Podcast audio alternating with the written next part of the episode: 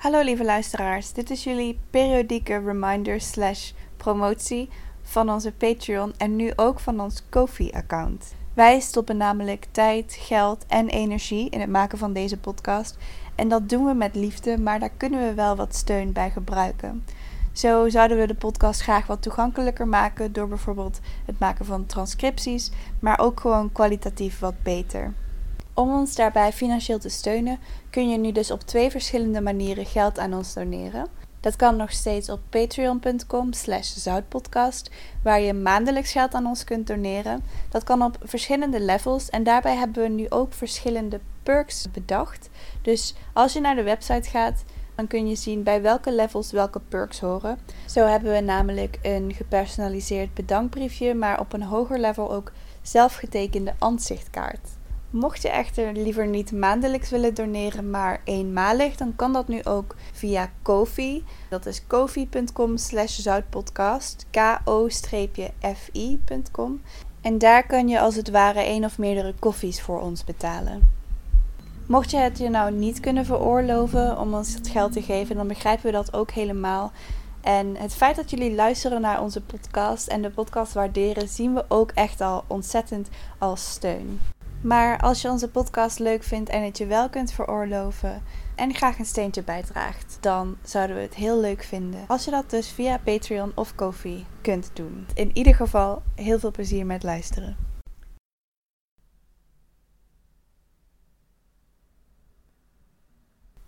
Hallo luisteraars, welkom in deze aflevering.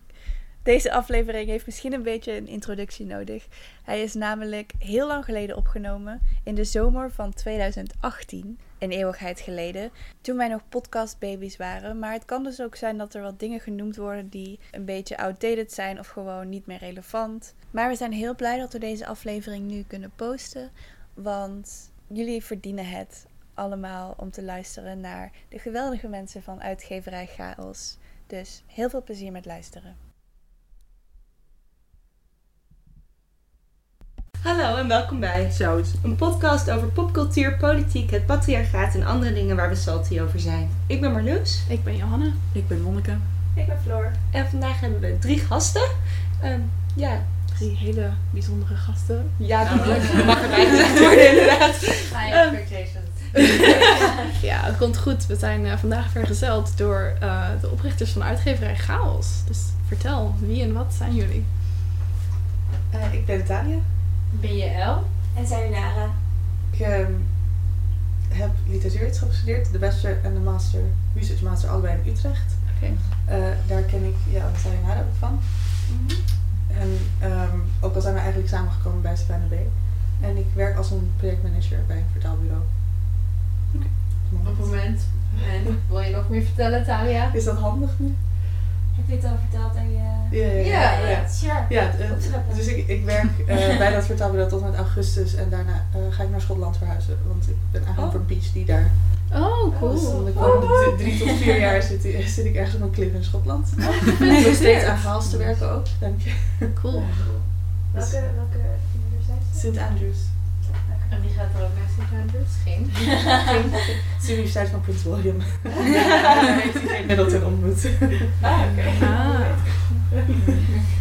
Wat zijn je voornaamwoorden? Ze, ze zij. Ja. Uh, ik ben Jaël van der Wouden.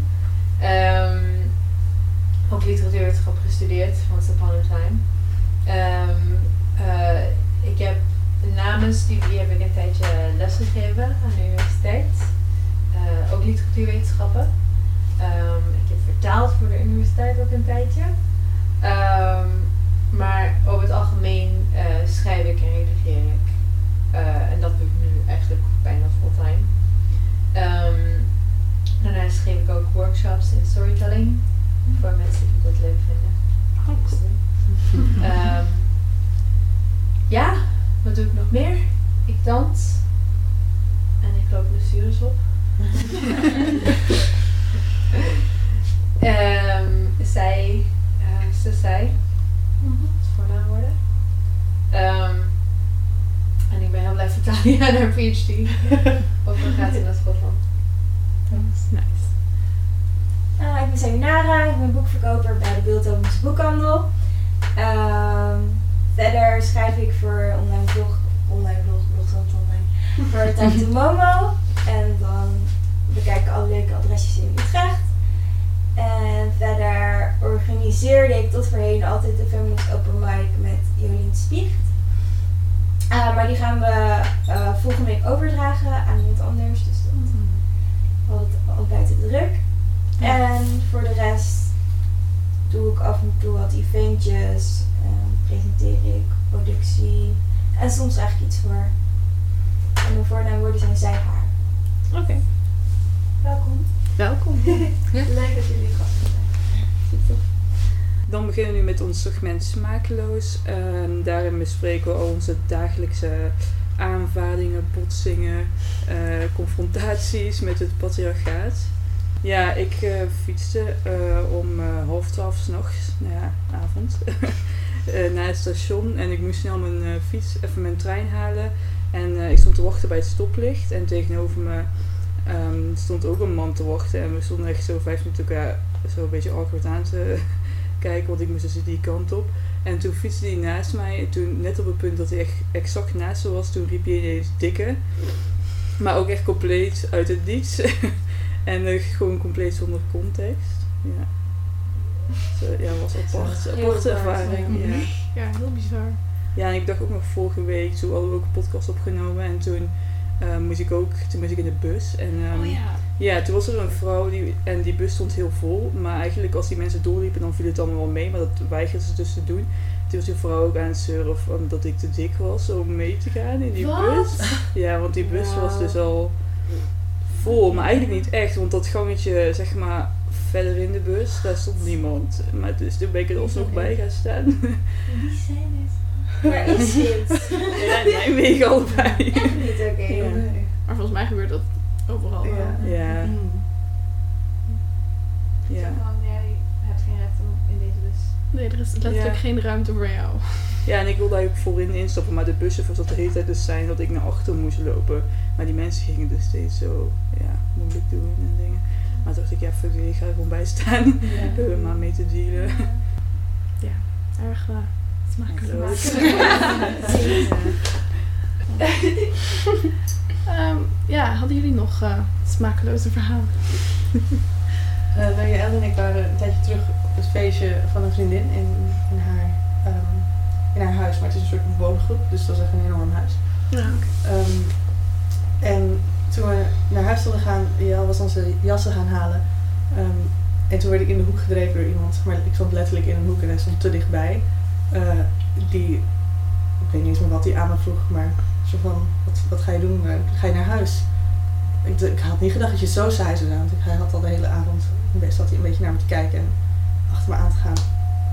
Dus na dit enorme compliment bleef hij soort van maar doorgaan, terwijl hij ook de indruk gaf dat hij hier niet wilde zijn. Door dat soort dingen te zeggen. En vroeg ook of je aan mijn vriendin was. Dus zei ik nee, want ja zeggen zou eventueel een makkelijke manier uit, eruit zijn, maar dat vind ik niet nodig. Dat zou niet moeten hoeven. Ehm, en toen bleef hij daar ook over doorvragen, weet je dat zeker? This is the moment where I'm gonna inspect my sexual identity Ja, with jou. Ja, ja, inderdaad. Hij was gewoon erg vervelend. Hij wilde niet weggaan. V- vroeg me ook naar mijn afkomst en is natuurlijk totaal verrast dat het niet was precies wat hij had bedacht. En eh, nou ja, erg gezellig. Wat En had hij dan bedacht? ja, ik, ik weet het niet zeker. Zelf was hij geloof ik Marokkaans of zo, zei hij. En nou, ja, nou ja, niemand denkt ooit Surinaams. Dat, daar komt eigenlijk neer. Oké. Dat, dat, ik weet niet waarom. Nee, daar gaan ze heel weinig voor.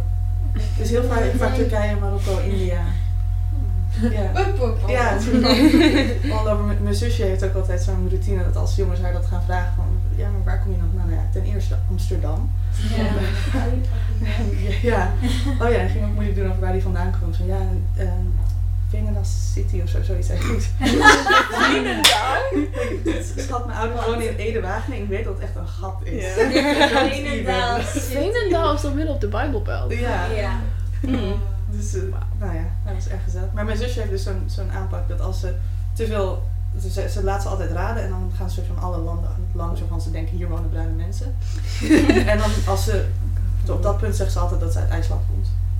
Dat is dan haar verstandig antwoord. Oh, ja, Ja. Mhm. Nice. Smakeloos. Ja. Ja. Ja. Ik ga die conversatie niet eens meer aan. Ik loop gewoon weg. Dan Het is dat ik op je aan het energie wachten was. ik, ik, naar buiten en dan deed jij me weer- Het was heel druk, dus dan, voordat we elkaar weer terugvinden. Maar echt. Oh ja, en toen gingen we naar, liepen we naar huis en toen werd ik door een voorbijganger ook op mijn kont geslagen. Dat is ook gezellig. Ja. Insult to injury. Thumbs up. Ja. Would visit again. Amazing. Ja, dat is wel veel voor één avond. En Ja. gebeurt dat vaak? Is dat een representatief plaatje van een, een avondje? Ehm, ik heb niet meer zoveel van die avondjes, maar dat heeft daar ook wel een klein beetje mee te maken. Ja. Ja. Het is gewoon vermoeiend. En De hele tijd, Mhm. je wil het niet aangaan, maar je wordt wel dus steeds, ook niet per se fysiek, maar in die hoek gedreven. Dus Ja. je toch dan met iemand staat en dat ik dan toch net te beleven ben om gewoon te zeggen, ga weg. Ja, precies. Dus ik ja. heb dan soms ook dat ik dan daarna denk van, oh, ik had niet zo beleefd moeten zijn, ik had er iets mee moeten doen, ik ben te, en het is ook altijd dat bijvoorbeeld die, dat zo iemand op stage dan aanraakt, dan kan ik makkelijker soort van iets naartoe schreeuwen. Ja. Dan wanneer je echt soort van een gesprek face-to-face hebt. Ja. Ook al wil je dat gesprek niet hebben. Ja. Dat, dat is ook voelt een ook ander soort dynamiek. Onveiliger, denk ik. Ja. Je weet niet wat iemand gaat doen als je dan eh, stopt met beleefd zijn. Mhm. Ja, en het was niet alsof hij, zoals aan de andere- andere ka- kant van de kamer, het gesprek met je aan het hebben was. Hm. Hij was gewoon Danny zoeken over je heen aan het leunen. Ja. Ja. Maar wat je zegt, dat je daar niet meer uitgaat, dit is ook de reden waarom ik niet meer in Utrecht uitga. Ja, het En is ook gewoon... liever niet in Amsterdam. Ik ga wel naar Rotterdam, laat iedereen lekker met rust en dan ben je één van de crowd. In Mhm. plaats van dat weer korfballen naar je toe komt en dan denk ik, oh je bent zo lekker exotisch. Oh god. Eh, Maar ik snap het. Ja. ja, het is niet, niet per se dat, het, dat ik er dan bang voor ben, zo, maar ik heb er gewoon geen zin in. Ik heb Mhm. geen zin om daar energie in te steken. Ja, Dus ik heb liever het gewoon alleen maar leuk en dan ga ik naar huis. Inderdaad. Of dat je specifiek met een groep vrienden ergens heen gaat en dan ken ik ze. Ik weet dat het goede Ja. mensen zijn. Mhm. Ja. En het scheelt dat jij woont onder mij. We wonen in hetzelfde eh, gebouw. En wat we voor mij de laatste half jaar doen is gewoon, jij komt naar boven met een fles wijn. En dat is onze avondje uit. We zitten toch gewoon boven een bar, dus het is bijna je in de bar bent. Ja. Live in the wildlife. Klinkt perfect. Ja. Sta je? Ja. Iets delen. Mhm.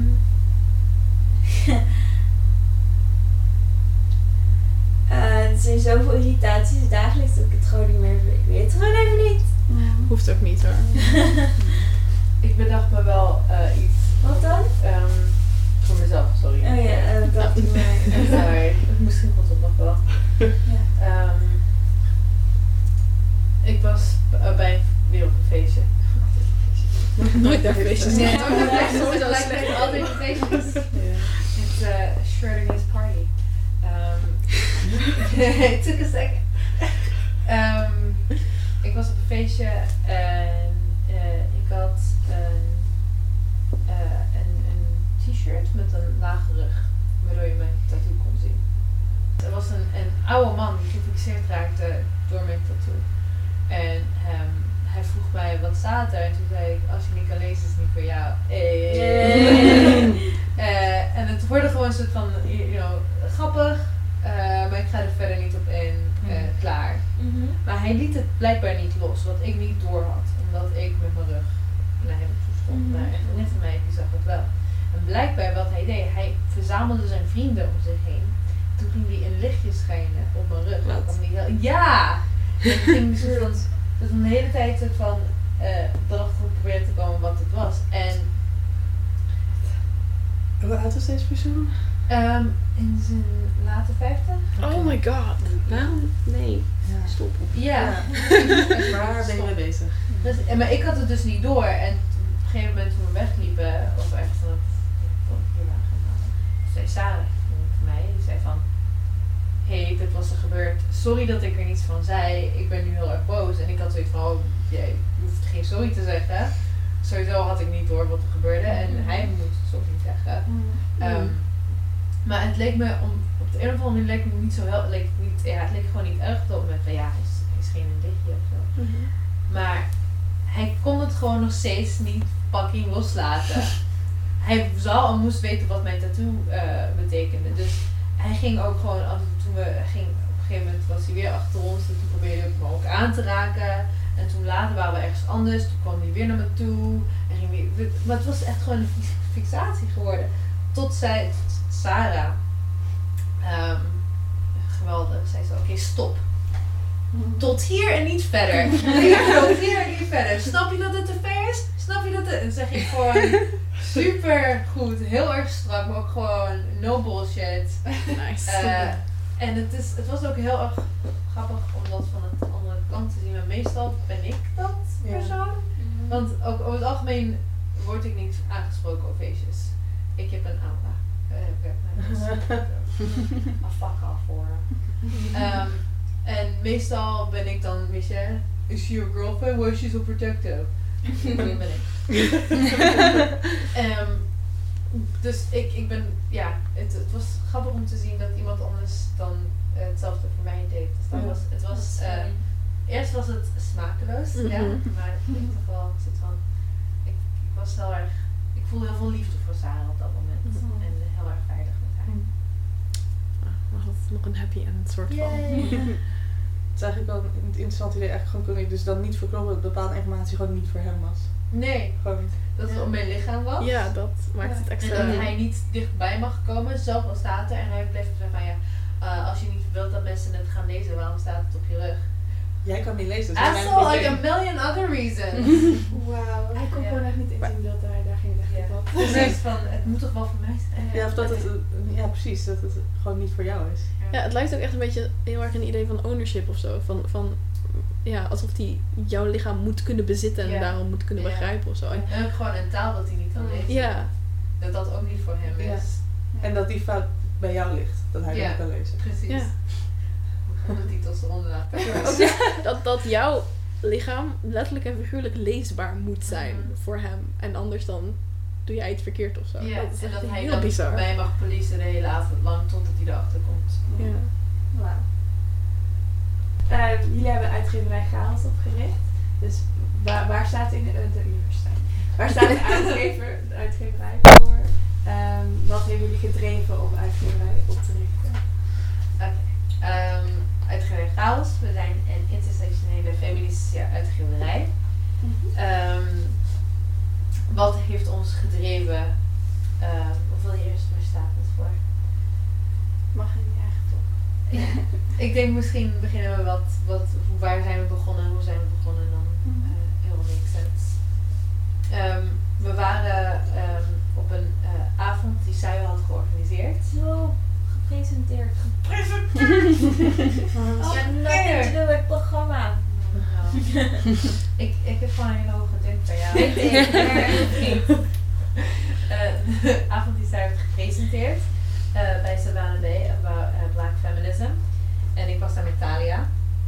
Talia en ik waren al voor mij een jaar echt low-key aan het praten over wat we konden doen om, weet ik wel, met de samenleving, soort van ons literatuurwetenschappelijke achtergrond, soort van de wereld in te brengen op een productive way. Iets wat, wat eh, bijdraagt, iets wat doet wat, ja, something, that does something that we see value in. Ja. En ehm, het was echt op dat moment alleen maar, how do you call it? Um, it was mostly talk. Ja, Er ja het was alleen maar- een Loki brainstorm. Precies. Het was alleen maar brainstormen elke, every other night, weet je. met- Ja, met die fles wijn. Met die fles wijn, ja.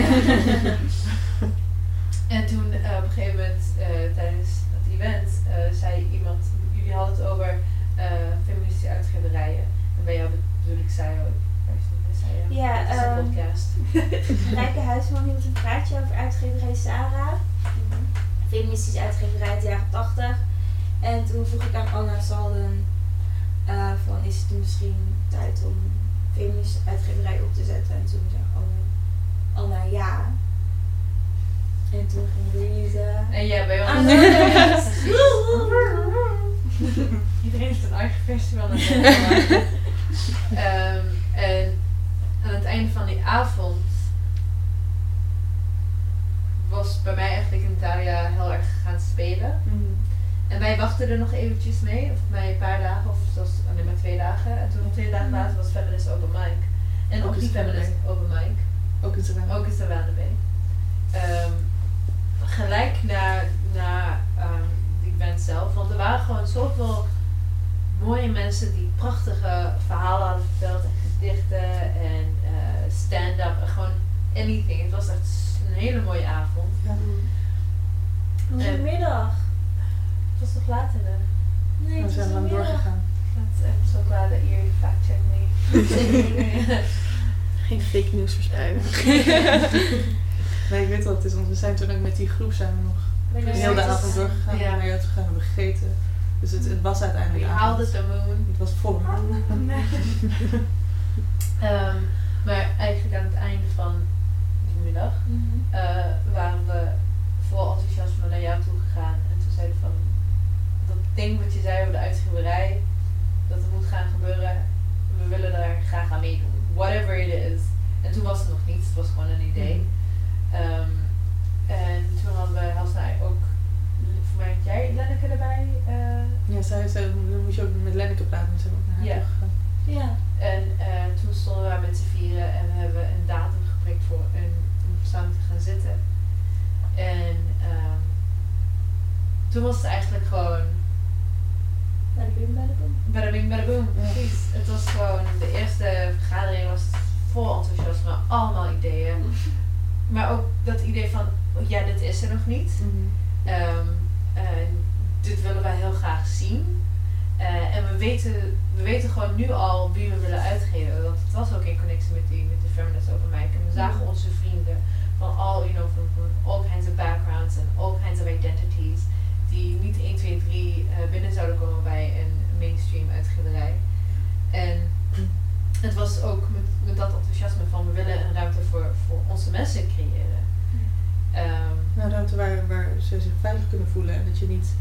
je daar af zit te vragen of je misschien de token bent. Of, ja, precies. en of dat je je ongemakkelijk voelt omdat ze eigenlijk niet weten hoe ze om moet gaan met iemand een andere achtergrond, Ja. een andere identiteit. Dat iemand weet wat ze doen als ze jouw werk redigeren. Dat ze weten waar ze naar moeten kijken en welke informatie dierbaar is en niet zomaar eruit geschrapt mag worden. En ehm, in het begin deden we het heel erg chill. Eh, eerst een paar maanden. En toen hebben we ons ingeschreven in de Kamer van Koophandel. En toen, eh, niet zo heel erg lang daarna, kwam Lenneke met het idee. Voor de eerste uitgave via Monique Ja. Monique was naar haar toe gekomen. Ja, Monique. Ja. Is Lenneke? Lenneke werkt bij Savannah B en zijn samen met haar begonnen. Ja. En voor haar was het helaas niet te, te combineren, dus het zit in, ze zit in de Nee, maar het zit wel Ja. heel dichtbij Savannah Bay. Ja. Ehm, en, eh, en toen Monique de Berg kwam met het idee. Monique de Berg is de vertaler van eh, Een Kamer voor Jezelf. Oh. Die 8 maart Mhm. werd eh, gepresenteerd. 5 maart werd gepresenteerd. Ehm, met het idee van, ik, ik wil al jaren eh, Een Kamer voor Jezelf hervertalen. Want de laatste vertaling was eh, in de jaren 50. ja, 1958. 1958. En, ehm, en ik, ze wist niet precies, ze, ze was op, nou, op zoek naar een plek waar dat eh, tot z'n recht zou komen. En, eh, en toen, blijkbaar had ze het tegen Lenneke gezegd toen ze dacht dat, dat Savannah B misschien zou kunnen doen. En toen zei Lenneke van nee, ja, dat, dat gaat niet bij, bij Savannah B. Maar, Maar dus een boekwinkel geen. Precies. Eh, maar met chaos kon het natuurlijk perfect. En het klopt ook gewoon. Alles klopte ernaar. Ja. En eh, we wouden niet alleen. We wouden niet alleen maar een soort van hervertalen en dan de wereld ingooien zonder context, zonder een andere kijk op te geven, een andere draai en ook in de Nederlandse context te plaatsen. En toen zijn we aan de slag gegaan met kijken van oké, wat voor forward kunnen we maken of een introductie. Ja. eh. Eh, en toen zijn we eigenlijk in contact gekomen met Simone van Saarloos en Gloria Wekker. En toen was het in één keer een soort van personalistenopstelling. En nu is het mij, dus Ja. zo is het gegaan. Dat was een blablabla. En toen was het een half jaar verder. Cool. Ja, ja. Heel leuk. Jullie zijn ook bij de, bij de boekpresentatie geweest, toch? Ja, ja. Voor mij hebben we een foto van jou. Inderdaad. Ik herken het echt totaal, ja. Ja. Dit is iemand die er eigen neef op straat niet herkent. Oh, oké. Dus dat we jullie ook net buiten herkennen, zo weer. Ja. Ja, dat was heel, heel vet. En ik, eh, ook vooral de, de Feminist Open Mic Night daarna is me heel erg bijgebleven. Het ging ook echt heel erg goed. Ja, Dan, ik, ook mensen, bijvoorbeeld Maxime, die had zich op het laatste moment ook ingeschreven. Ik heb haar naam nog wel soort van met potlood erbij geschreven en het was echt fire. Het was degene die Shriek deed. Ja. Ja, precies. Ja, dat was een, een, eh, een, een rewriting van, of ja, een, een antwoord eigenlijk op Howl van eh Allen Ginsberg. En het was echt amazing. Ja, ja. Je, Echt ehm, Maxime, Garcia Diaz. ja, Hm. Maxime Garcia Diaz. Ja, maar uh, Shriek ehm, staat, ja, Shriek wel. Staat nu ook online. Ja, ik had het Dat gezien. Dat zullen we, zullen we linken in de show notes. En dan moet je echt gaan lezen. Want nou ja, het, het is nooit zo geweldig als toen ze het voorlas. Of voor het vroeg, want toen was ik echt aan het huilen. Maar het is nog steeds echt... Ja. Ik was ook aan het huilen. Ik ook. Ah. Het is oké. Ehm, ja, je zei dat jullie het belangrijk, dat jullie het belangrijk vinden om een, veilige plek te creëren voor mensen ehm, waarvan je weet dat die ergens anders niet zo snel binnen mogen komen. Kan je iets wat meer over vertellen over wat dat voor jullie betekent, die veilige plek? Want dat was volgens mij op die avond over een kamer van jezelf ook een groot thema, zeg maar, het creëren van ruimte. In, in welke zit? Ehm, nou ja, wat doen jullie bijvoorbeeld om ervoor te zorgen dat, dat iemand zich dan veilig voelt? Behalve het feit dat jullie al, zeg maar, niet de, eh, de, de zeg maar, generieke groep witte mannen zijn. Maar eh, ja, hebben jullie daarvoor bepaalde dingen die jullie daarvoor doen? We hebben bijvoorbeeld, ehm, als we, nou ja, toen we nog manuscripten binnenkregen, er zijn gewoon bepaalde no-go's, zoals racisme en seksisme. Mhm. En dan zie je dat toch mensen dingen insturen waarvan ja, waarom heb je gelezen wat we probeerden te doen. Ehm, dus we, we, houden eigenlijk dat soort dingen heel erg af. Ehm, en ik denk ook vooral, maar dit is natuurlijk, want ik ben een van de redacteurs, is heel erg in, in hoe je redigeert. Belangrijk is van hoe je daarmee omgaat en het contact met de schrijvers en dat het niet ehm, is. Vind Ja. ik zelf heel erg, dat je heel bewust met je mensen omgaat. Ik denk dat je toch wel zelf een vertrouwensband opbouwt Ja. met je schrijvers. Omdat je ze ook laat weten van uiteindelijk is het jouw stuk. En ehm, als jij ergens niet blij mee bent of je hebt een, een concern, Ja, precies. laat, laat het weten. Want Ja. wij zijn hier om samen met jou te werken. Ja, we doen wel suggesties, maar als je het toch allemaal anders wil, dan is dat gewoon mogelijk. Maar het is wel belangrijk om bij te zeggen, want wij zijn nu ook aan het leren. Wij, Dat is Mhm. ook gewoon, Ja. we hebben natuurlijk, wij hebben ja, een redactie gedaan, maar nooit, niet zo. ja. Nieuwe mensen. Niet zo intensief. Ja. Dus wij leren ook elke keer door mensen hun reacties. Ja. Van oké, dit moeten we blijkbaar dus niet Ja, meer gaan dit doen. moet dus anders. Ja, het is denk ik ook wel voortgekomen dus uit een soort van gemis. Want Ja. eh, ja, die ruimte die er niet bestond, maar ik denk ook het soort literatuur. Dat zeg maar eh kanon is en in Nederland veel wordt uit het literaire landschap in Nederland, zeg maar. Ehm, want ja, de mensen die dan bijvoorbeeld bij zo'n feminisme komen, open mic komen, die ehm, het is wel, het is, ik, ik weet niet zoveel van de professionele wereld. Dus zeg maar, is het dan ook echt mo- inderdaad moeilijk om in zo'n eh, gevestigde uitgeverij binnen te komen? Ehm, ja, hoe, hoe, hoe zit dat, zeg maar? Eh, hoe, hoe, hoe zag dat gemis er, zeg maar, uit? Snap je? Mhm. Eh, er is nu een bundel uit van Das Mag. Ja. ik even de titel kwijt ben. Sampler. Sampler. Ehm, en dat is bijvoorbeeld, daar, dat zijn acht schrijvers. En daarvan zijn drie vrouwen, drie witte vrouwen. En er zijn twee mensen van kleur, dat zijn dan allebei mannen. En dat is het. En het, ik weet dat het al meer is dan in veel andere gevallen, zeg maar Mhm. qua gelijkheid, Mhm. diversiteit. Maar het stoort me gewoon enorm dat in iets wat gewoon een even aantal heeft, zijn er gewoon acht. Het is gewoon niet moeilijk om half-half te doen. Mhm. En ik geloof gewoon niet dat de mannen zo significant beter zijn. Dat je zegt, sorry, maar er zijn er maar drie vrouwen die hierbij kunnen. Ja. Dat geloof ik gewoon niet. Het is gewoon niet Sowieso omdat wij net niks in elkaar hebben eh, Ja. gezet. Met, met twaalf schrijvers die echt Ja. fantastisch zijn. Mhm. Dus het, het, het ze er zijn zeg maar veel uitgeverijen trekken dan gewoon schijnbaar dat niet diversiteit aan, nemen het niet aan of doen daar op een ja doen daar niet echt iets mee. Maar ik denk dat het ook te maken heeft met of je zelf je veilig voelt als je ergens heen gaat. Het is niet eens denk per se Ja. afgezien van of het moeilijk is of niet om bij zo'n gevestigd ding binnen te komen, wil je daar binnenkomen. Mhm. Wil je Mhm. daartussen zitten? Wil je met die drie mannen van achter in de 50 zitten praten over jouw boek, jouw leven, jouw Ja. baby, zeg maar? Mhm. Dat verrassend veel mensen die, die wij kennen, die willen dat eigenlijk niet eens aangaan. En dat heeft gewoon heel erg te maken met de plek die zij bieden, die of er niet per se is, of toch wel vaak een soort van gemarginaliseerde positie is. Waar er wel vrouwen zijn, maar geen vrouwen van kleur. En wel vrouwen, maar minderheid, toch? Ja. En dat stoort me enorm. En ik denk dat dat ook een soort van, een soort van onderliggende emotie was bij het oprichten van chaos. Ja. En sorry, maar ik denk ook dat de poortwachters ook best wel lui zijn. Want je moet echt niet weten hoe vaak ik een berichtje krijg van... eh hey, zijn we naar record dat je dit en dit doet? Kan je misschien een lijstje geven met ehm, dichters van kleur? Terwijl ik denk van...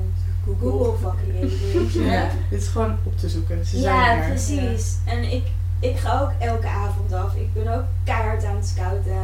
Mhm. Doe even wat meer je best. Ik denk wat ook heel erg blijkt eh, eh, in heel veel van die voorbeelden is dat het, ehm, het is vaak een afterthought. Het is van, oké, dit zijn onze basisschrijvers. Zie vijf witte mannen. En dan. En dan soort van, oh ja, nee, Maar hier ook- krijgen we problemen mee, dus eh, add one of each. En Ja. dan, en, Ja. en, dan, ja, dan heb je soort van, dat, dat lijkt dan, dat, dat zie je gewoon heel goed in de collecties die eruit komen of in de, in de, in de line-up. En waar, wat wij anders proberen te doen is eh, juist niet als een afterthought, maar juist als de uitgang te nemen. Ja. Ja, zoals je het zo vertelt, klinkt het ook heel erg alsof er zeg maar, vanuit uitgeverij heel veel onbegrip is naar mensen die zeg maar, een ander verhaal vertellen. Ehm, ja, ook omdat mensen dus het gevoel hebben van ik wil niet met iemand mijn boek bespreken die Mhm. mijn positie niet snapt, die mijn Mhm. positie niet kent. Ja. En die misschien zelfs ook wel die positie meer commercieel wil maken. Ja, precies. Ja. Dan, ja, en is gewoon minder het, integer is op die manier. En als er iets is, als er iets is dat we s- echt gewoon hard hebben moeten leren het laatste half jaar, is dat de Nederlandse boekenwereld heel erg gevestigd is in hun eigen maniertjes. En Mhm. soort van in hoe je ook boeken verkoopt en hoe je dat, you know, how you bring something to the man en bla bla bla. Het, er zijn gewoon bepaalde Mhm. regels en iedereen houdt zich aan die regels, terwijl ze niet per se handig of logisch zijn. Ja. Ja, ik kan me ook voorstellen inderdaad dat je als, eh, als vrouw van kleur bijvoorbeeld misschien niet per se staat te springen om gepubliceerd te worden in een, nou ja, wat jij eigenlijk ook al zei, Marloes ook al zei, in een, in een uitgeverij waar alleen maar witte mannen naar je verhaal gaan Mhm. luisteren. En eh, ik vond het ook wel interessant dat je inderdaad zegt dat je bepaalde dingen gewoon niet toelaat. Want ik heb nog regelmatig dat ik Nederlandse boeken lees en denk, hoe, hoe is dit door een hele kamer, hoe is dit door een uitgeverij heen gekomen zonder dat iemand heeft gezegd van, redactie "Mm, eronder. Ja. Vertalingen. Ik word, sorry, maar ik word soms echt crazy van vertalingen. Als de schrijvers van kleur vertalen en woorden die ze gebruiken, dat ik echt denk van, ik begrijp gewoon niet wat er staat. Gaat het zo erg mis? Ja. Wil je een voorbeeld geven? Dat was- Ehm, ja, bijvoorbeeld ehm, Homegoing van Jai Gassi. Er staat in een van de eerste, een van de eerste bladzijden staat in, in het Nederlands staat er een halfbloed om iemand te omschrijven. Wat natuurlijk al best wel Ja. Laden is. Mhm. En de auteur gebruikt zelf ehm light skinned. Mm. Oh, dat is anders. heel iets Ja. anders. Heel anders. Ja. Dus Ja. ik snap niet hoe dat er ooit door is gekomen. En dat is een heel klein voorbeeldje. Ja, ja mijn, eh, mijn, mijn persoonlijke go-to voorbeeld en eh, een soort van jeugdtrouw is altijd Joe Speedboat van eh, Tommy Oh. Wieringa, wat ik heb gelezen voor mijn staatsexamens een paar jaar geleden. En dat was Mhm. ook echt, Dat ik dat echt aan het lezen was en dacht, hoe is dit door een uitgeverij heen gekomen? Want, nou ja, gewoon heel veel... Ja, er zit een personage in die Papa Afrika heet. Oh, Die wauw. komt uit Egypte en zo wordt er naar dat personage verwezen. En eh, die heeft ook, ja, die- die heeft ook een hele rare, dat is ook echt niet een mens, zeg maar. Ja. En dan is er een, een meisje uit Zuid-Afrika, die wordt heel erg geobjectificeerd. En die is wit en blond en alles, maar ze heeft wel die, nou ja, Afrikaanse billen dan, waar dan weer heel erg echt, het is heel bizar. En ook, ja, eh, dat personage wordt dan op een gegeven moment ook heel erg geslutshamed. En het is allemaal heel, ja, het is, echt pijn aan mijn hart, want ik heb Joe Speakquote gelezen toen ik 18 was. Nou, dat is 12 jaar geleden. Mhm. Toen ik nog helemaal niet woke, dat ik helemaal niet door. En nu hoor ik dit en dan denk ik, oh. dat is echt een heel leuk boek. Ja. Maar wij hebben daar toen ook wel eens een gesprek over gehad. Ja. Dat er geen, dat, ja.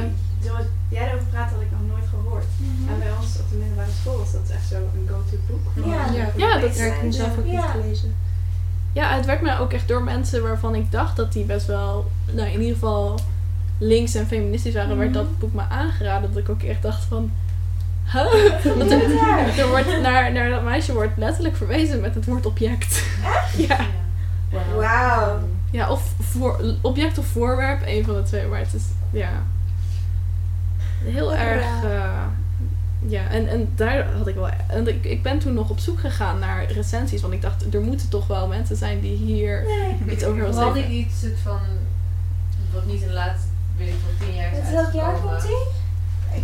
Het is een soort van recent, maar ja, inmiddels Nee, niet het is wel meer. Maar, hoor. maar toen ik het, eh, toen ik op de middelbare school zat, was het nog een soort van recent. Maar dat is inmiddels ook al wel 2005. 2005, ja. Ja. Maar ook met, met eh, een recent boek. Ik las eh, recent eh, Zachte Rieten van Marja Pruis, waar ik dan ook nog van... Oké. ja. Van, Marja Pruis. van, van relatief woke mensen had ik daar relatief goede dingen over gehoord. En, eh, en eh, nou ja, Marja Pruis is niet woke. Waarom relatief woke? Nee. Ja, goed. Ik, we hebben een, eh, een gastcollege van haar ooit gehad. Maar dat was Nou, Nee, toen, van, toen had ik ook al niet iets van, oké, jij bent echt super woke. Maar goed, het werd me door iemand aangeraden en ik was wel nieuwsgierig. Want zij, eh, ze heeft dus samengewerkt met een docent van ons. En er was dus een personage in dat boek gebaseerd op die docent. Dus ik was wel nieuwsgierig. En het was ge- ook gebaseerd op colleges die ze had gegeven op onze universiteit. Ja. Dus ik ging het vooral lezen uit nieuwsgierigheid. En het was echt, echt super transfobisch. Er zit Wow. een, een transpersonage in dat boek.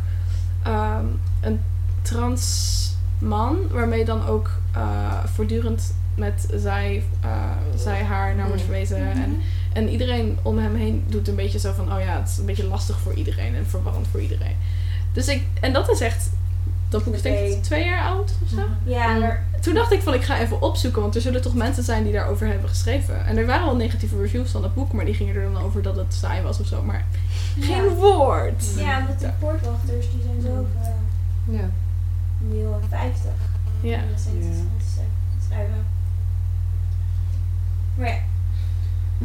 En ik denk ook gewoon van de meeste, meeste plekken waar je analytische reviews of whatever krijgt, dat zijn vaak mensen op de universiteit die dan voor, voor een paper of zoiets moeten schrijven. Mhm. En dan gaat het soort van, you know, um,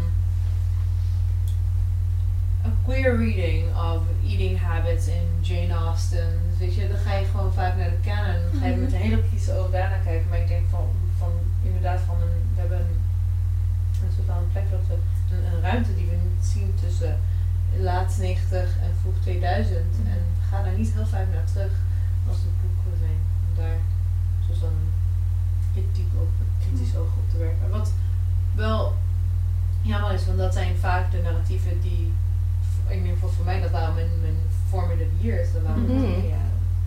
Ja, ja, en dat vind ik ook zo erg. Dat, dat boek staat nog steeds op iedere literatuurlijst van iedere middelbare school, volgens mij. Ja, het wordt echt amper ter discussie gesteld. En ik vraag me ook af, gewoon zeg maar als docent, op het moment dat jij zo'n literatuurlijst voorle voorlegt, sta je dan überhaupt bij stil dat wat je als docent ook bij boodschap uitdraagt naar je leerlingen op Nee. een manier? Het antwoord zegt nee. Nee, ik, ik heb de lerarenplein Nederlands gedaan. en daar zijn ze niet mee bezig. Docenten hebben het zo druk. die, die, de leeslijst wordt niet eens aangepast. Nee. het is Nee. gewoon de leeslijst van uit. De leeslijst nu is de leeslijst van ons. Ja. Ja. Maar dat is zo vreemd, want er zijn zoveel nieuwe boeken en ook zoveel nieuwe boeken die ook Mhm. ja, perspectieven zeg maar aan het licht brengen die in die hele witte mannelijke kanon ja, niet echt represent zijn. Er is gewoon geen tijd. Dat is het antwoord. Ik denk ook Ja. het, wat jij zei, Elf, want je hebt eh lesgegeven op de universiteit, dat het op de universiteit ook zo bureaucratisch is. En dat het zo moeilijk is om dat soort dingen te veranderen. En dan heb je het al druk en je werkt eigenlijk al 57 uur per week. Dan denk je, ja, die lijst. Precies. Het is Dus daar. een nieuwe roman moeten lezen om les te geven. Hmm. Gaat niet gebeuren. Als ze een, een nieuwe leeslijst maken, dan komt het vaak uit hun eigen kamer. Dus Ja. Dingen die ze dan niet nieuw hoeft te lezen. Ja. gewoon extra tijd die je al niet had. Het is eigenlijk ook vreemd dat docenten gewoon dan niet de tijd krijgen om nou ja, met zoiets bezig te zijn. Dat het gewoon niet wordt gegund, dat het blijkbaar niet belangrijk genoeg is. Ja, maar literatuur is natuurlijk ook wel een pretpakket, hè. Ja, precies. Eh, ja, natuurlijk. Ja. heb ik zo lang niet meer gehoord. oh, wat heerlijk. Ik leef in een bubbel. Fijn, een literaire uitgeversbubbel. Yes, with spikes on the outside. nice. Where can I get me some of those? I make them in my garage. Ja, ik had ook een docent bij Engels en dan, die was altijd expliciet feministische literatuur aan het trashen gewoon. Oh. Ja, eigenlijk was het niet de bedoeling dat we dat gingen lezen. Dat mocht eigenlijk niet. Dus ik als 17-jarige over Shiver ging allemaal Virginia Woolf lezen. Nee, nee man.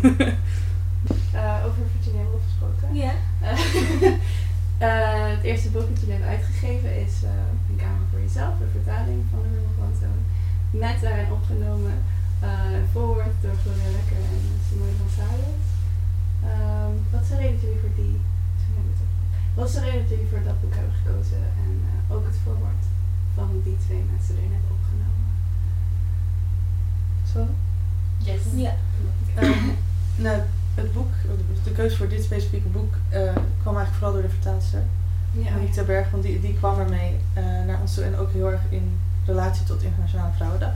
Ja, En ja. dat was gewoon eigenlijk zo'n goed idee dat we daar niet aan hebben gezeten. Dus die keuze dat, we- die was eigenlijk al voor ons gemaakt en die hebben we meer gemaakt door voor Monique te kiezen en met haar in zee te gaan. Ehm, en het voorwoord was eigenlijk gewoon een soort noodzaak, want Mhm. we hebben allemaal Urban van Zoon gelezen, moeten lezen op de universiteit of, of eerder. En het is een geweldig boek waarin je heel veel herkent, maar het is ook heel duidelijk een boek uit de jaren twintig, net na de Eerste Wereldoorlog, door een witte, rijke vrouw. En het is, eh, het is klasse en het is kleur, komen daar gewoon heel duidelijk, ja, haar voorkeur, of niet voorkeur, maar haar privilege komt daarin heel erg naar voren. Ehm, dus wij zeiden eigenlijk meteen, we willen een vrouw van kleur die hiermee aan de slag gaat en die soort van het niet alleen het, het qua diversiteit er een andere kijk op kan geven, maar ook in de Nederlandse context. En wat er eigenlijk toen is gebeurd, dat um, al in contact was met Simone van Saros, want die had van ons gehoord en vond het allemaal heel erg tof en die wilde graag meewerken. En zij kwam toen zelf, Simone zelf kwam toen eh, met het voorstel om samen met Gloria Wekker ehm, die briefwisseling op te zetten. Dat is ook wel de aangewezen persoon dan voor iemand die een precies persoon van kleur die het in de Nederlandse context wil zetten. Precies, dat was echt perfect. Dat, dat was eigenlijk, eh, het had niet beter, we hadden het zelf niet beter kunnen kiezen en ze kwamen naar ons toe. Bij het boek en de auteurs. Dus dat was echt, eh, dat had zo moeten zijn. En die hired hem. Ja. Wekker. Zijn er nog andere ehm, klassiekers waar- die jullie wel zouden willen heruitgeven in een uh, geüpdate vertaling? Ja. Er komt eh, volgend jaar op 8 maart komt de vertaling uit van How It Feels to Be Colored Me van Sir Neil Hurston. Dat is een essay. En ehm, we zijn in gesprek met eh, twee dichters. Eentje uit Nederland en eentje uit Amerika. Die ook weer een briefwisseling gaan doen. Oh, cool. Maar ik kan nog geen namen noemen. Maar het wordt heel tof. Dat is heel tof. Ja. Wat? Ik heb er nog nooit van gehoord. Waar gaat het essay over? Terwijl in de trend van ehm seminal essays. I don't like using that word. It's is like seminal essay? seminal is een soort van uh, seminal is iets dat eh, alles heeft veranderd. Mhm. Wat, na, wat daarna kwam. Maar het heeft ook hetzelfde root als semen. Weet je, seminal. Ja, precies. Like, het zit wel in mijn vocabulaire, maar I just don't like where it comes out. Well, thanks for ruining that word for me forever. Next up, Disney movies. oh no, those are all Yeah, already they're all dead to me. ruined. Ik weet nog niet, eh, het doesn't matter. When Niels one time said, you always ruin things for me. Omdat ik had, uh, because I made him realize that, um, that Christmas song. Uh, Baby It's Cold Outside. And Yeah. it's super rapey. Rapey. Oh god. It's super rapey, It's I so. know. What's in my drink? I know, say what. Ja. Oké. ik heb echt nog nooit op die tekst gelet. Ik ben nu echt Nee. vast aan het leven. Oh, ja, het is gewoon, she was like, she wants to leave, and he's like, Stay, I'm, I'm gonna I'm gonna interrupt. You. Like to I be fair, know. this is Yeah, hyped to the max because I've seen the video and it's flipped around and she like it's also a guy singing and like he wants to leave and the woman doesn't let him, yeah. which still is rapey, but it's not as No. Is Bad. ook, ook een As it sort of- become online. En het komt volgens mij... Het is ook ergens in een film. En in die film is er ook een tweede versie. Ja. Met de lady die... Ja, die- precies. Ja, dat Precies. bedoel je. Ja, Ja. Die, die is het, echt is- het heel is grappig. het ja. is het, het is soort van het is like slapstick-achtig en ik ben ook niet geheel overtuigd van like date rape drugs in die periode. Nee. I wonder if that's It's us not, reading it's, into it. it's just definitely us reading, because it was, it was, maar het is wel, what's in this drink is in van, je hebt er meer alcohol in gedaan. Ja. Maar nog steeds, it like represents a kind of power dynamic that people have enjoyed without, Thinking Ja. about it. Ja. oké, dit is totaal, uh, Super side note. Nou, dat is weer seminal essay. Yes, daar waren we. Ja. Ja. Weet Invloedrijke jullie wel wie essays. Zora Neale Hurston is? Ehm, Een zwarte Amerikaanse schrijver. En zij komt uit de jaren 20. Ehm, ergens op Twitter is er nu een filmpje waarin ze de laatste slaaf van Amerika interviewt. Dus dat is misschien wel cool om Oh. terug te kijken. En het is van het boek Their Eyes Were Watching God. Daar heb ik wel van. Een van de favoriete boeken van C.D. Smith. Ja, wat ik ook wel, eh, zeg maar, ehm, fijn vind, of waar ik naar uitkijk, zeg maar, is het lezen van Oké, mijn, in mijn gevoel bij Nederlandse literatuur, niet Mhm. alleen door mannen geschreven, is gewoon heel erg een bepaalde stijl, een bepaald onderwerp. Hmm. Gewoon echt... Daar heb ik helemaal niks mee. Super... Ja. ehm, ja, gewoon niet interessant. Heel lui Ja. eigenlijk. Heel lui literatuur vind ik het. Ja. Ehm, Ja, het gaat eigenlijk altijd over een, een oude, rijke witte man Mhm. met een of andere ja, midlife crisis. of, Precies. Dat moet, ik moet wel toegeven dat als mag het dan wel weer goed doet in dat opzicht. Dat ze wel echt nieuwe stemmen... Ja, sorry. Oh, ik dacht heel even- Nee, daar, daarom was ik net niet zeker van het voorbeeld, want ik vind hen helemaal niet verder een vervelende uitgeverij. Ja. Totaal niet. Alleen dat specifieke voorbeeld stoort me enorm. Nee, ja. Ja, bijvoorbeeld, eh, hebben jullie het, het smelt gelezen van Lisa Spitz? Nee. Hij staat op mijn eh, TBR shelf. Briljant. Briljant. Mm, ja. En ze hebben Marjolein van Heemstra onder hun vleugels. Maar ik denk dat dat, dat, dat was ook een, zeker waar we vandaan kwamen toen wij begonnen, was het idee van, eh, er is één manier waarop wij het meestal beschrijven. En dat is van dat eh, inderdaad man wordt wakker, eh, man kijkt naar zichzelf in de spiegel, man denkt over zichzelf, komt een hele soort van drie pagina's aan childhood memory, waarin hij een konijn over de straat zag lopen. Weet je, het is gewoon... Vergeet niet, vergeet niet eh, man heeft betekenisloze seks met Oh ja. vrouw Oh die alleen maar een vagina met een gezicht is en verder Ja, geen persoonlijkheid ja. heeft. Hij denkt heel erg lang na over zijn eigen dik. Ja. Precies. ja. En ehm, bij, mijn, mijn soort stokpaardje is eh, zonder. eh, ik wil niet nationalistische literatuur, maar ik wil graag meer ehm, nationaal identiteit denkend literatuur als het ware. Dus van, ik wil Ja. literatuur zien wa- waarin mensen ehm, experimenteren met wat Nederlandse identiteit is. En vooral mensen met immigratieachtergrond. Want daar zit Mhm. natuurlijk, daar zitten natuurlijk interessante en mooie wrijvingspunten. En daar kan in literatuur zoveel mee worden gedaan. Mhm.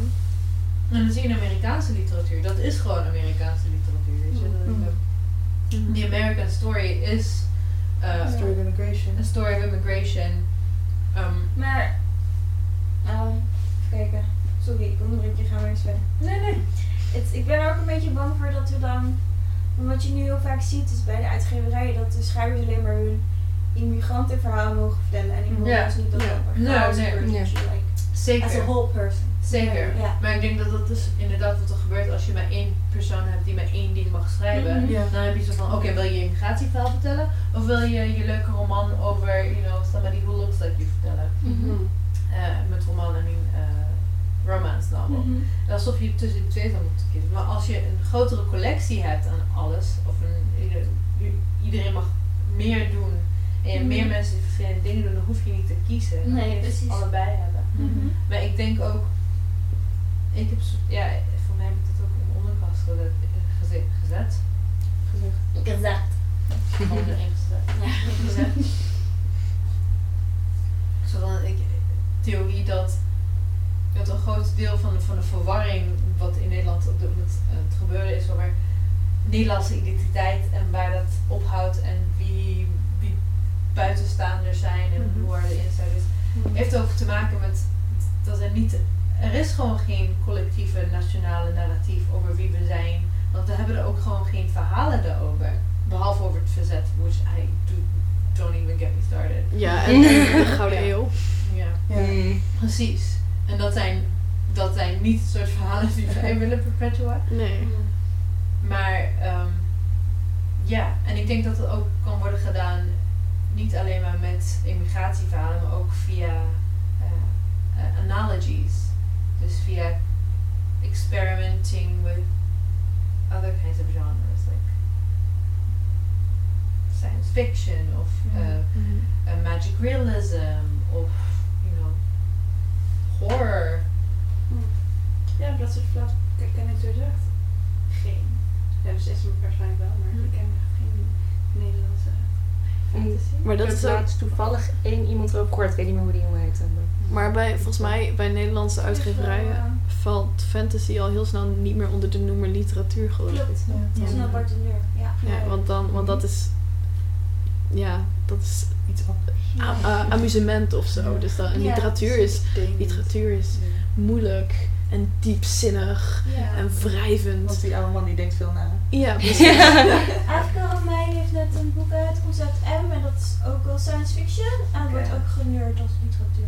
En je hebt ook Hannah Barefoot bijvoorbeeld, die eh, dat soort meer die kant op gaan, meer richting Hmm. science fiction. En eh de Feuilleton. Ja, feuilleton. van. Lisa Ja. Weda. Ja. Hoe zei je? De Feuilleton. Feuilleton?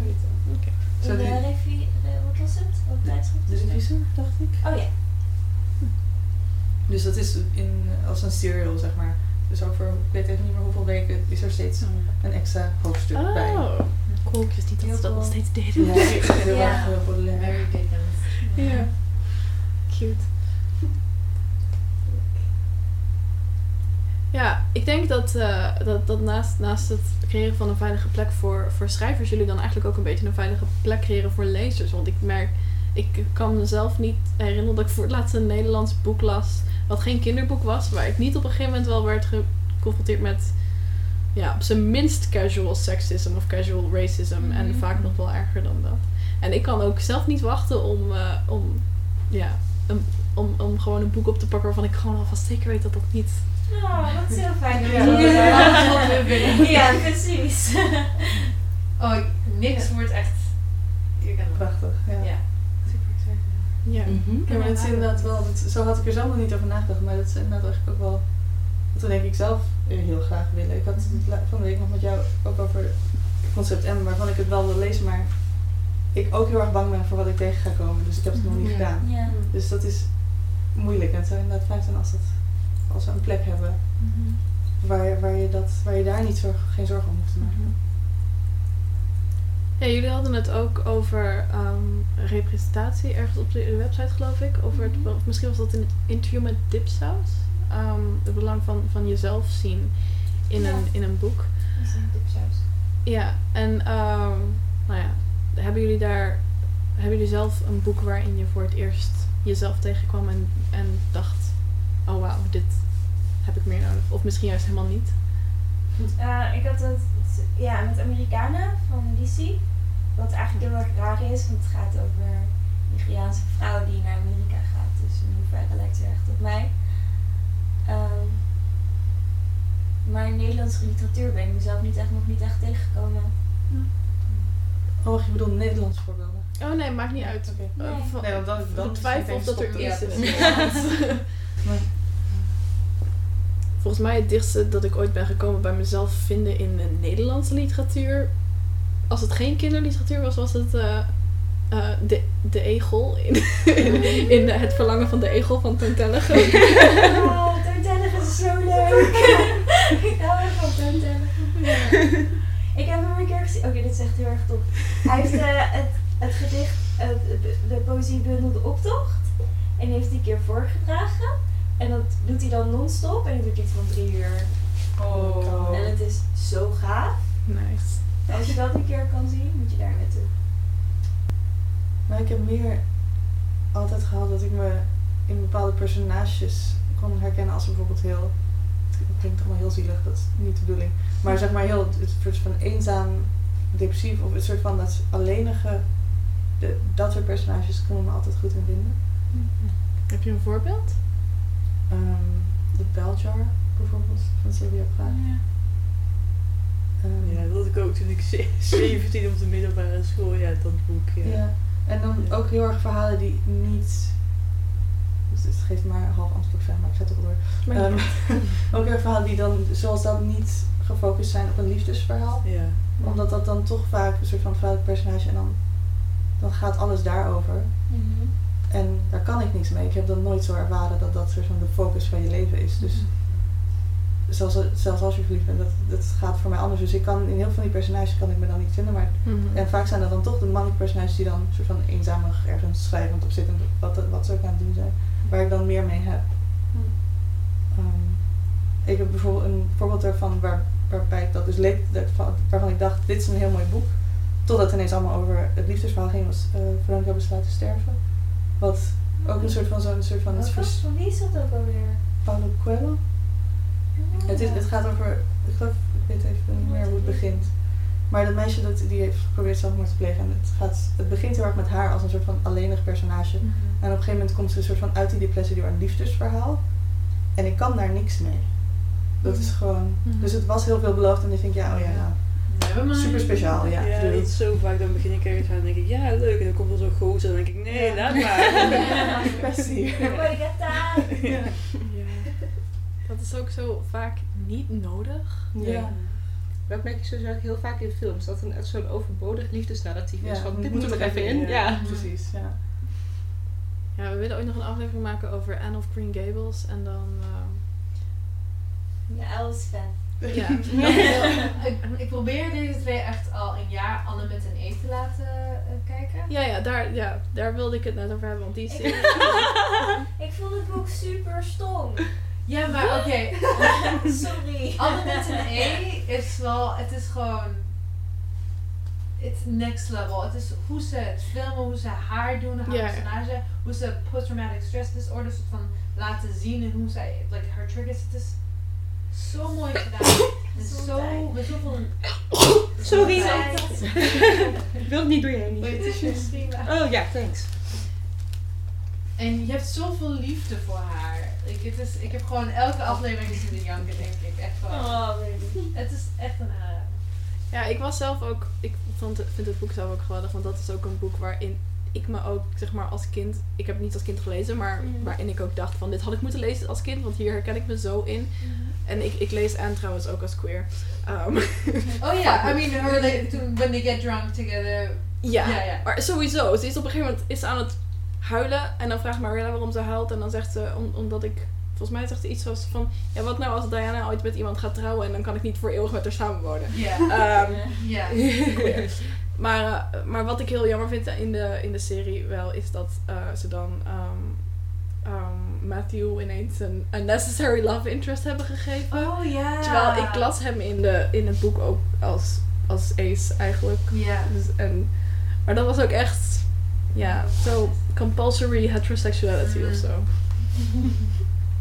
Had jij nog een, een boek waarin je jezelf... eh, herkende? Nou, als kind. Philip Roth. Nee, ik weet al wat. Die was gewoon te makkelijk. Sorry. Dat heb ik geskipt. Get Nee, die skip. Oh, toen ik dat boek verkocht en met Koningsdag, keek je echt zo aan van... Oh, dat riddance. daarom. Ja, ik had echt good totaal niet door waarom je zo aankijkt. Good riddance. ja. Wat is het verhaal hierachter? Oh, Philip Roth. Het is... Oké, hij creëert soort van een indie-build version of himself as a professor. En je, eh, hoe heet dat boek weer? De... de Shadow... No, not the Shadow, The Rider. The Rider. Right? The Rider? Ja, maar het is The Ghost Rider. Ghost Rider, ja. Je shadow, schaduwschrijver. Dit is wanneer het van de enige keer dat het andersom werkt. Ehm, Ghost Rider, ja. Eh, hij, dus, hij heeft dus, er is een, een, university professor en eh, er is een meisje in zijn klas, een, een nieuw meisje, een jonge student. Um, he becomes like, like, he's attracted to her, he thinks she's attractive. Yeah, that's is En ook wacht, echt wacht, dat kan- ieder witte ik- mannenboek ooit. ja. En zij is dan like, she's like obsessed with him being her teacher. Hij, zij wil gewoon super veel van hem leren en zij komt. Maar the whole thing is dat zij dus blijkbaar Anne Frank is. En ze heeft. Oh, dat ja! Ja, het is Zij heeft, she like somehow escaped the camps en is naar Amerika toe gegaan, maar like, she's. is ik- die Oh my God. is echt een van de raarste dingen. Nee, nee, dat was geen, dat was genuinely funny. Beledigd. Ja. Diep beledigd. nee. Dus hij heeft... Wauw. Dus, hij- dus hij heeft een Ja, soort van precies dat. Anne Frank self-insert fanfiction geschreven. Oh, ja. ja, waarin- it's not the first or the last. Oh, Nee, Ehm ding. Auslander, ehm, Hope a Tragedy. Mhm. Ik heb hier mijn script, mijn over geschreven. Hoe, hoe, eh, En een heel mooi artikel. In the sun. not the, the- not the British Sun. In the sun, no, no, no. Ja, ja. Ehm, ja, Philip Roth is het dus niet. Eh, Oké. maar toen ik, voor mij, ja, het verhaal van hoe ik ben begonnen met lezen was, zit er eigenlijk aan. Was van, ik, ik herkende mezelf in een verhaal en daardoor begon ik lezen. Eh, dat was toen we, ik kwam hier toen ik ehm 10, 11 was. Eh, we hadden hier naartoe verhuisd. En we woonden een tijdje bij mijn opa en oma. En het was echt een soort van... eh, het was prachtig daar. Het was in, in Hoogeveen, Fluitenberg. En het was midden in het bos. ik kom uit Hoogveen. Je komt er weer waar Fluitenberg is dan? Ja. Ja, daar! Daar dus. Wauw. Ja, maar dan, ik weet niet, je weet dat stukje tussen Hoogveen en Fluitenberg. En dan is het gewoon alleen maar een soort van het.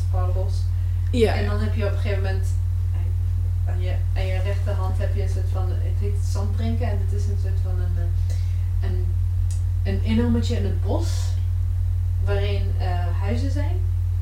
Zo bekend ben ik nog Oké, net niet. nee, maar het is, like, het is net na alle paardenvelden. Oké. Maar ehm, ik was toen elf en ik, we, we zaten daar volgens mij drie maanden waren we daar. Bij opa en oma. En er was gewoon helemaal niets te doen. We mochten ook geen tv zomaar kijken. We mochten niet snacken of snoepen. Weet je, we waren gewoon drie maaltijden op een dag. En dat was ontbijt, middageten en avondeten. En if you missed any one of those, you were fucked. Oh, I hope my grandpa doesn't listen to this. Ehm, nee. Nee. Dat vindt hij niet per ongeluk. I love you. I love you, grandpa. Oh. Hij weet het.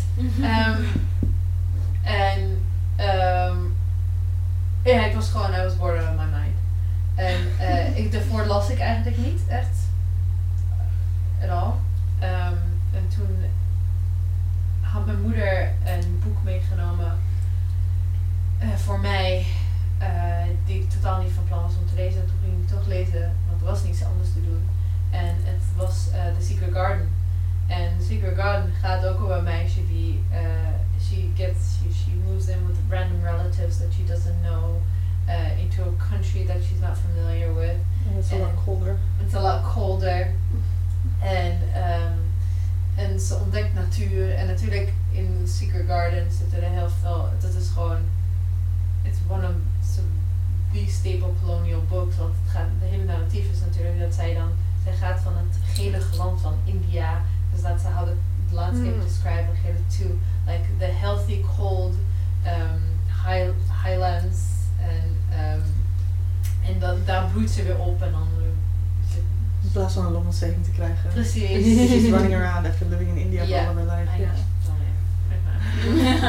En oh, ze leert ook hoe ze voor zichzelf moet zorgen, wat ze eerst niet kon. bla, bla, bla, bla. Maar als een elfjarige was het denk van, oh wauw, dit, dit, dit is een verhaal waar, ik mezelf kan vinden. En dat was wel echt een huge experience. Ook omdat ik, ik had het gevoel alsof niemand mij begreep daar. Van, waar zijn mijn vrienden, waar zijn mijn gewoontes, waarom kan ik niet nee, mijn blote voeten de straat op en blablabla.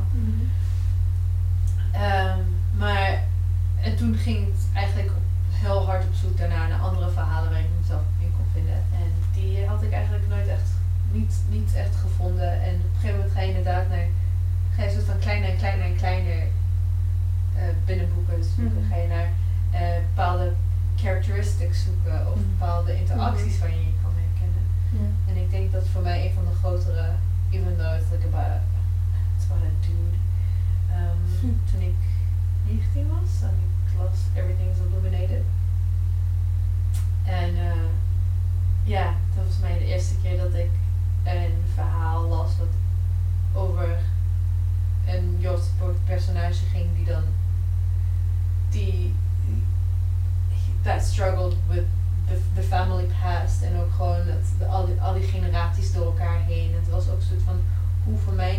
mijn familiegeschiedenis soort van ook door elkaar heen liep in mijn, in mijn hoofd. En ehm, dat klein beetje magische daardoorheen.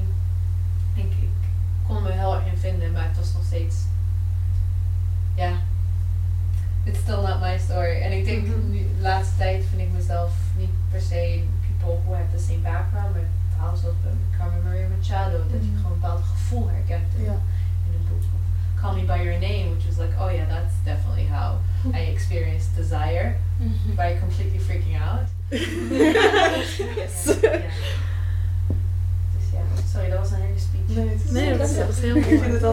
want ik ken, ik ken het verhaal natuurlijk van hoe je aan het lezen moet gaan. En ik vind het altijd echt een, een heerlijk verhaal, omdat het zo aromantisch is voor iemand die zeg maar vijf jaar literatuurwetenschap heeft gestudeerd. In totaal. En uitgeverij is begonnen zelf schrijft. En dan waarom ben je begon- begonnen met lezen? Pure verveling.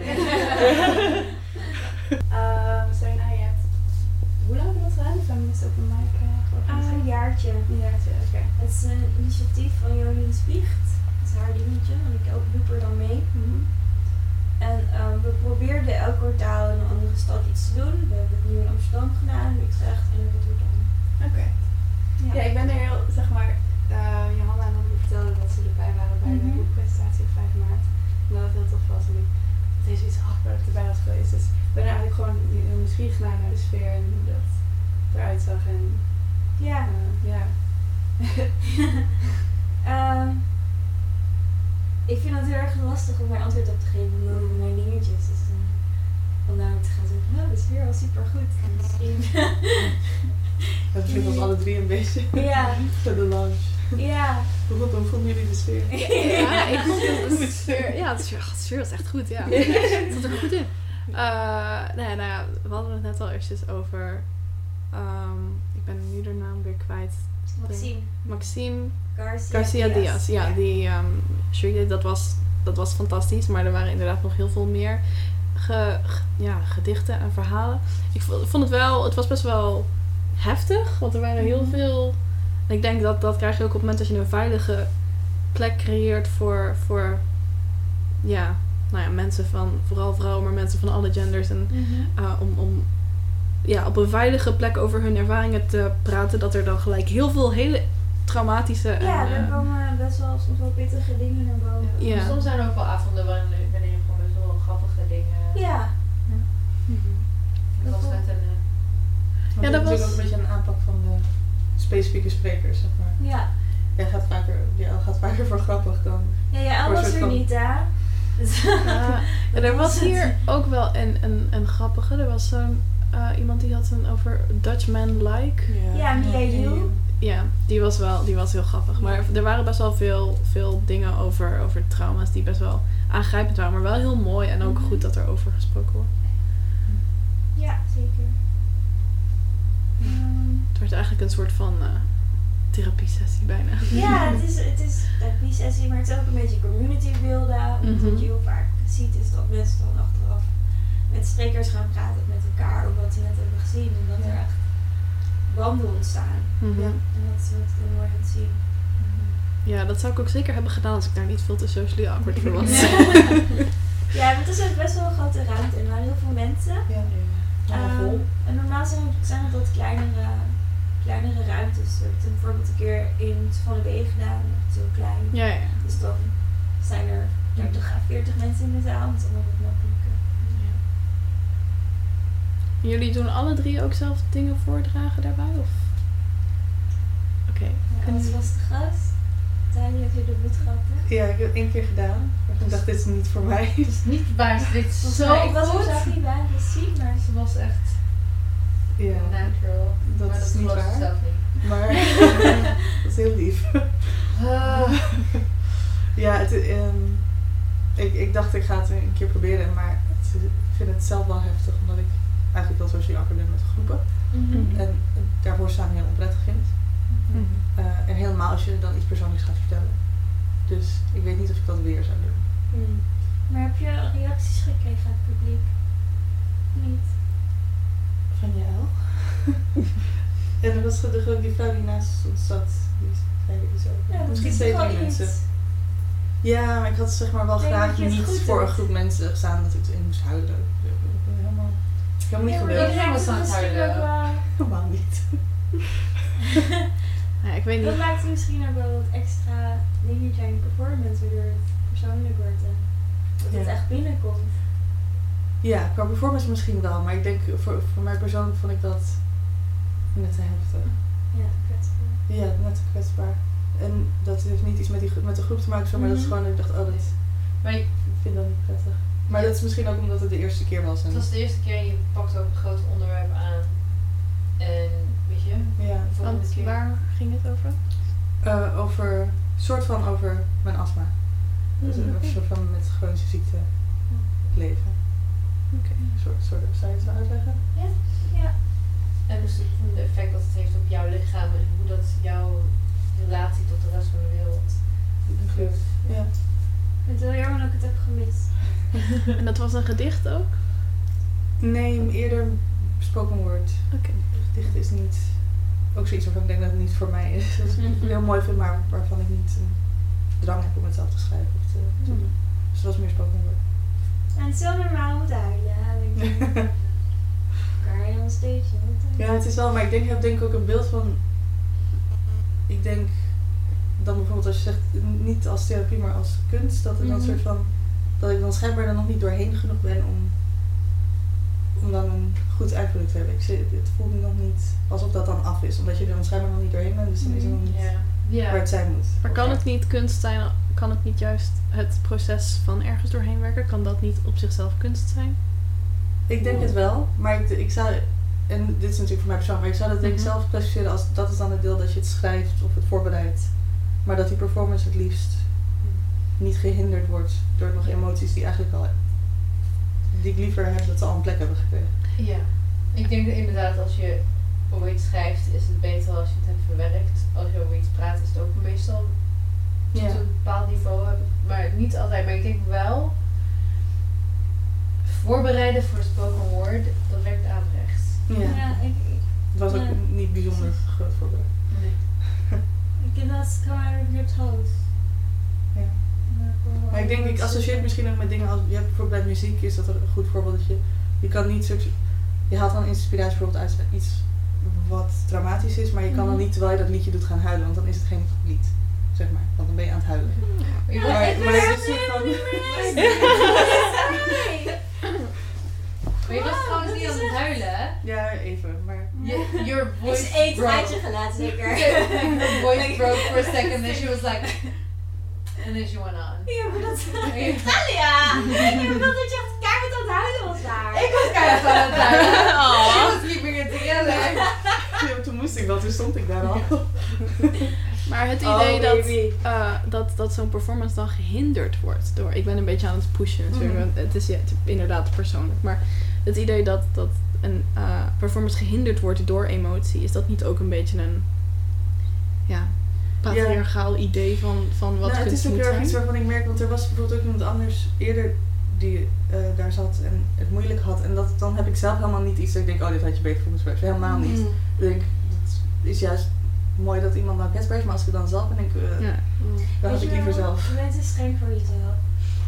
Dat is je perfectionisme. Maar kunst hoeft niet perfect te zijn. Zij is ook een life coach. Therapy. Dat is mijn job. Ja. Nee, het is wel, ik, ik, vind het ook verder niet, niet vervelend dat ik het heb gedaan of zo, maar ik, vond- ik vond het net, ik had gewoon zelf liever gehad dat dat niet was gebeurd. Fair enough.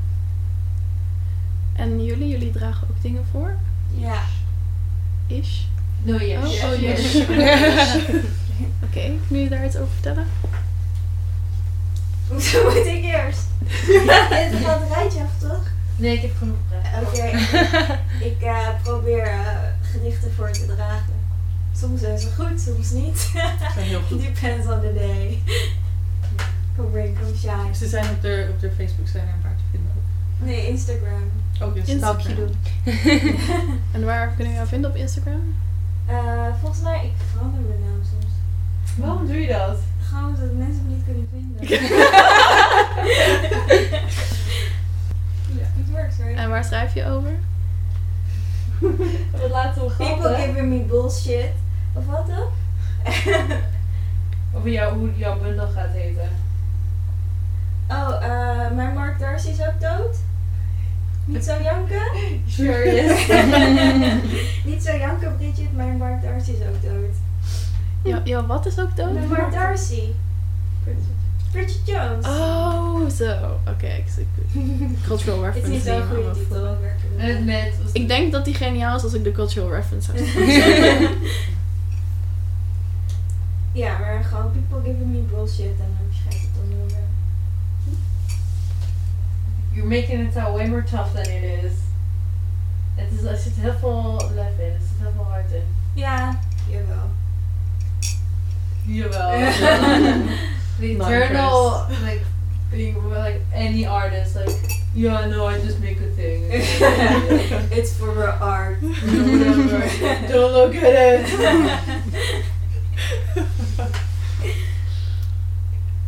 En wat draag jij voor? Um, spoken word. Spoken word. Nee, wat zeg jij? Storytelling. Storytelling. ja, maar het is storytelling Ja, het is Het is storytelling. storytelling. right? Storytelling. Ja. Storytelling.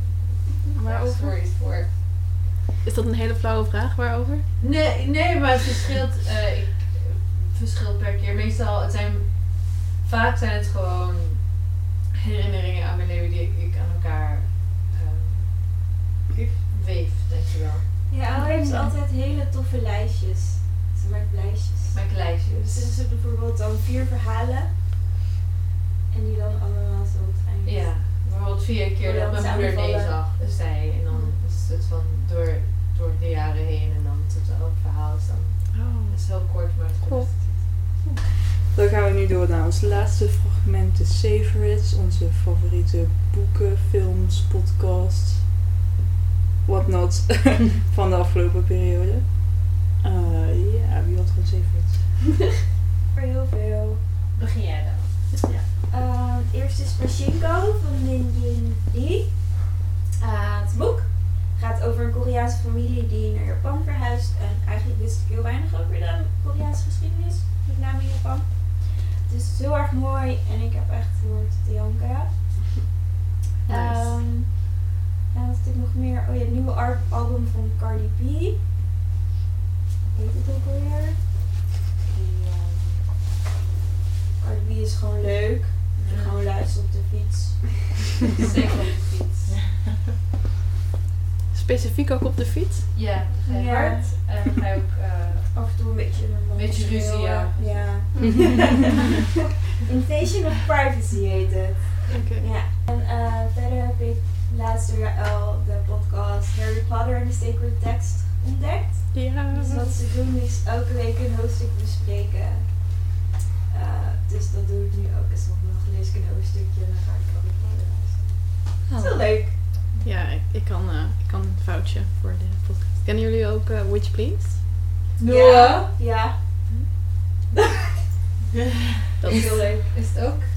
Harry Potter. ja, ik ken dat door Harry Potter en de Sacred Text. Watch please. En waar gaat het over? Eh, ja, dat, dat is een podcast waarin eh, twee literatuurwetenschappers ehm, ja, gewoon alle Harry Potter boeken en films analyseren. Maar ook op een, ja, op een, op een vanuit een feministische en ook vaak queer lens. En het is... Nee. Ik ken wel Archaeopolitics.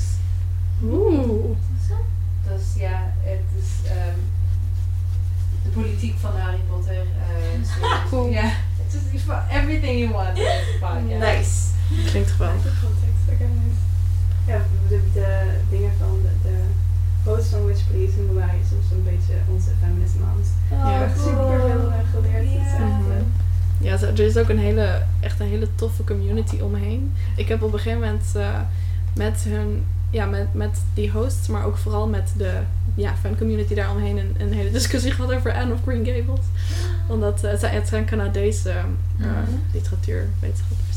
En ik had daar iets over getweet en er gingen echt duizend mensen op reageren. En toen hadden we echt een superleuk gesprek. Nice. Ja. Maar goed, ehm, dat waren jouw favorites? Ja. Oké. Heb jij? Ehm, voor mij ook een podcast, eh By the Book. Eh, daarin, dat is een podcast waar twee, ehm, twee hosts, ehm, Krista, Meinzer en Jolanta Greenberg, eh, zij gaan elke, elke aflevering ehm, twee weken volgens een zelfhelpboek leven. En dan they report aan hoe, ze het hebben ervaren, of dat eh, wel iets waarmaakt of niet. En het is vooral.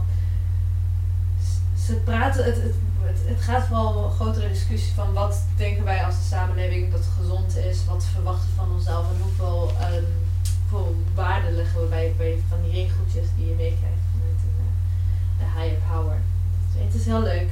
Het zijn hele lieve mensen. Cool. Yeah. All you up next? Ehm, wat had ik ook weer gezegd? Het boek van Carmen Yes. Machado, eh, Her Body and Other Parties. Ik geloof niet dat het al vertaald is. Nee, het het ligt bij uitgeverij, eh, nee. uitgeverij Karaat. Oké, Wij wouden het verhalen. maar Ja, het is dat- al dat- late. teken.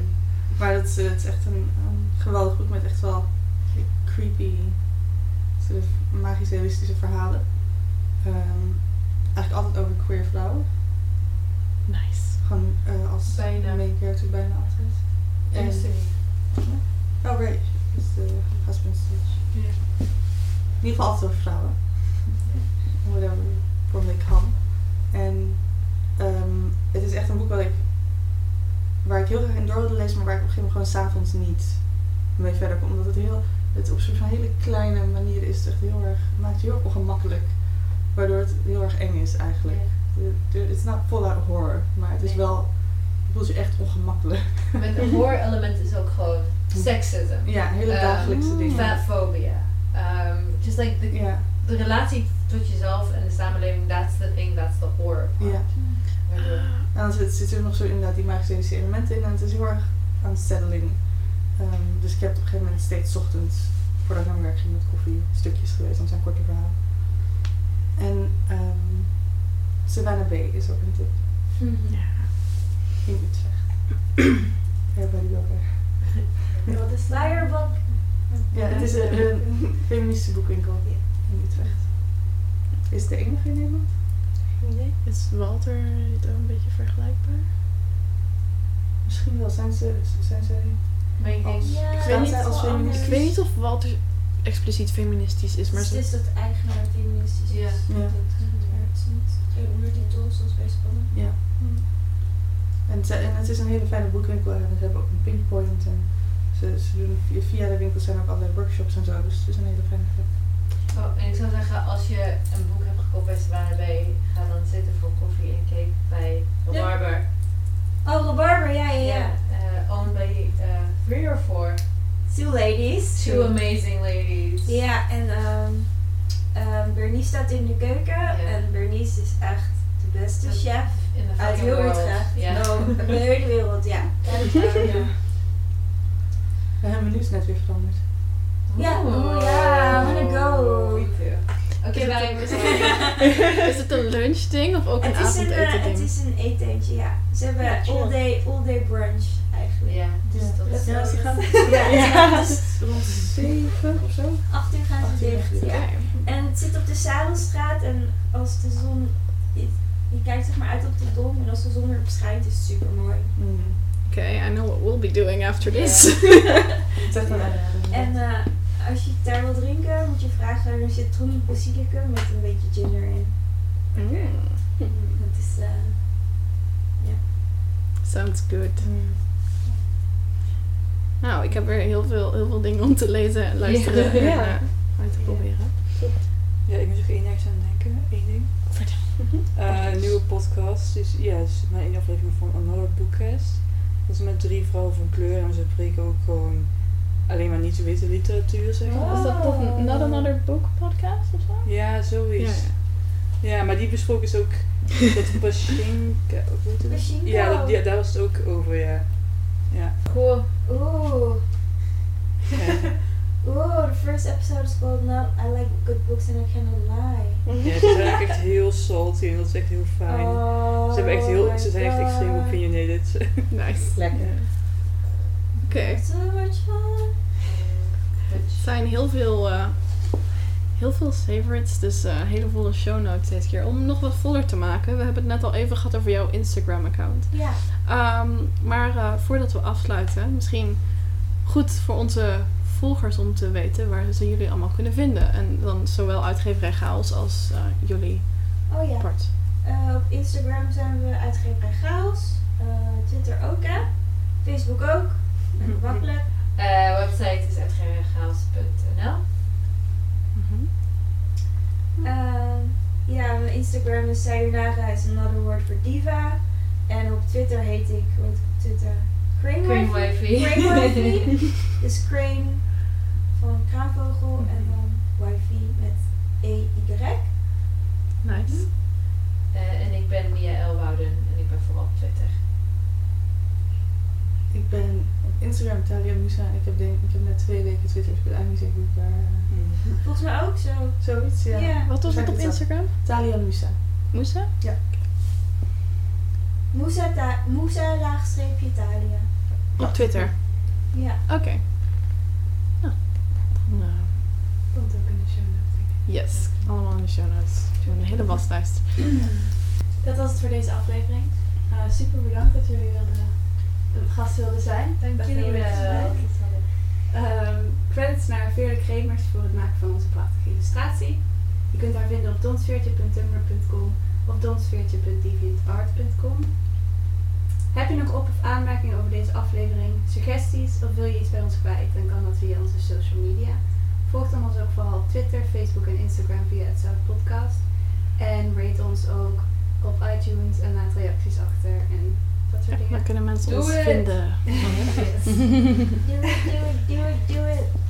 Eh, ja, heel erg bedankt voor het luisteren en stay salty.